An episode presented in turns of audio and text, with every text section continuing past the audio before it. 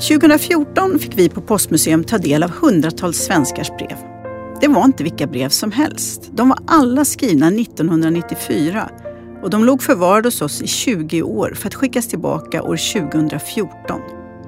De brev som vi har valt ut är alla skrivna av ungdomar mellan 14 och 20 år. Jag heter Vivi Nybom och är utställningsproducent på Postmuseum. När brevskrivarna fick tillbaka sina brev 2014 så bad vi de brevskrivare vars brev vi hade läst att berätta vad de kände när de läste sina brev igen. Moa skrev till oss, var jag en sån hjärndöd tonåring?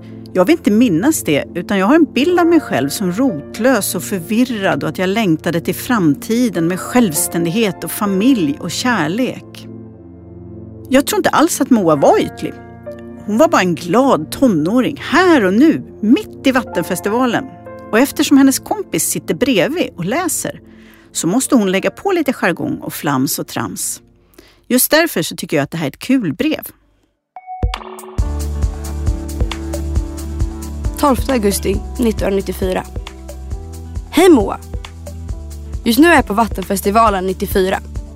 Med Maja, såklart. Vi raggar som in i helvete. Idag har vi inte fått någon napp än. Men det är så tidigt på dygnet. Jag är nu 15 år. När jag öppnar detta brev nästa gång är jag 35.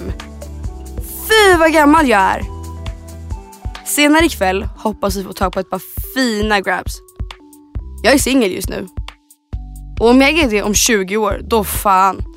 Då måste du ha barn och en rik man och leva i Bel Air. Denna sommar har jag varit i Camarillo. 25 miles från Los Angeles på språkresa. Det var skitkul. Många fina grabs där också. Amerikanerna alltså. Har jag glömt Jocke år 2014? Hoppas det.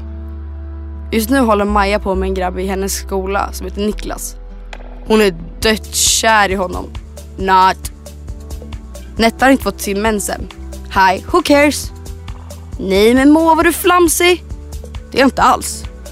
Det är du visst. Jaha, vad vill du veta? Inget. Nej, vad ska jag skriva?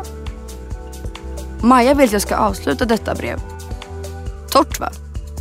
Jag bara skämtar. Det är bäst så. Hon ser varenda mening jag skriver. Nej Moa. Knulla på så killarna blir blå. Måste gå nu. Hej då. PS. Hoppas jag har en fin framtid.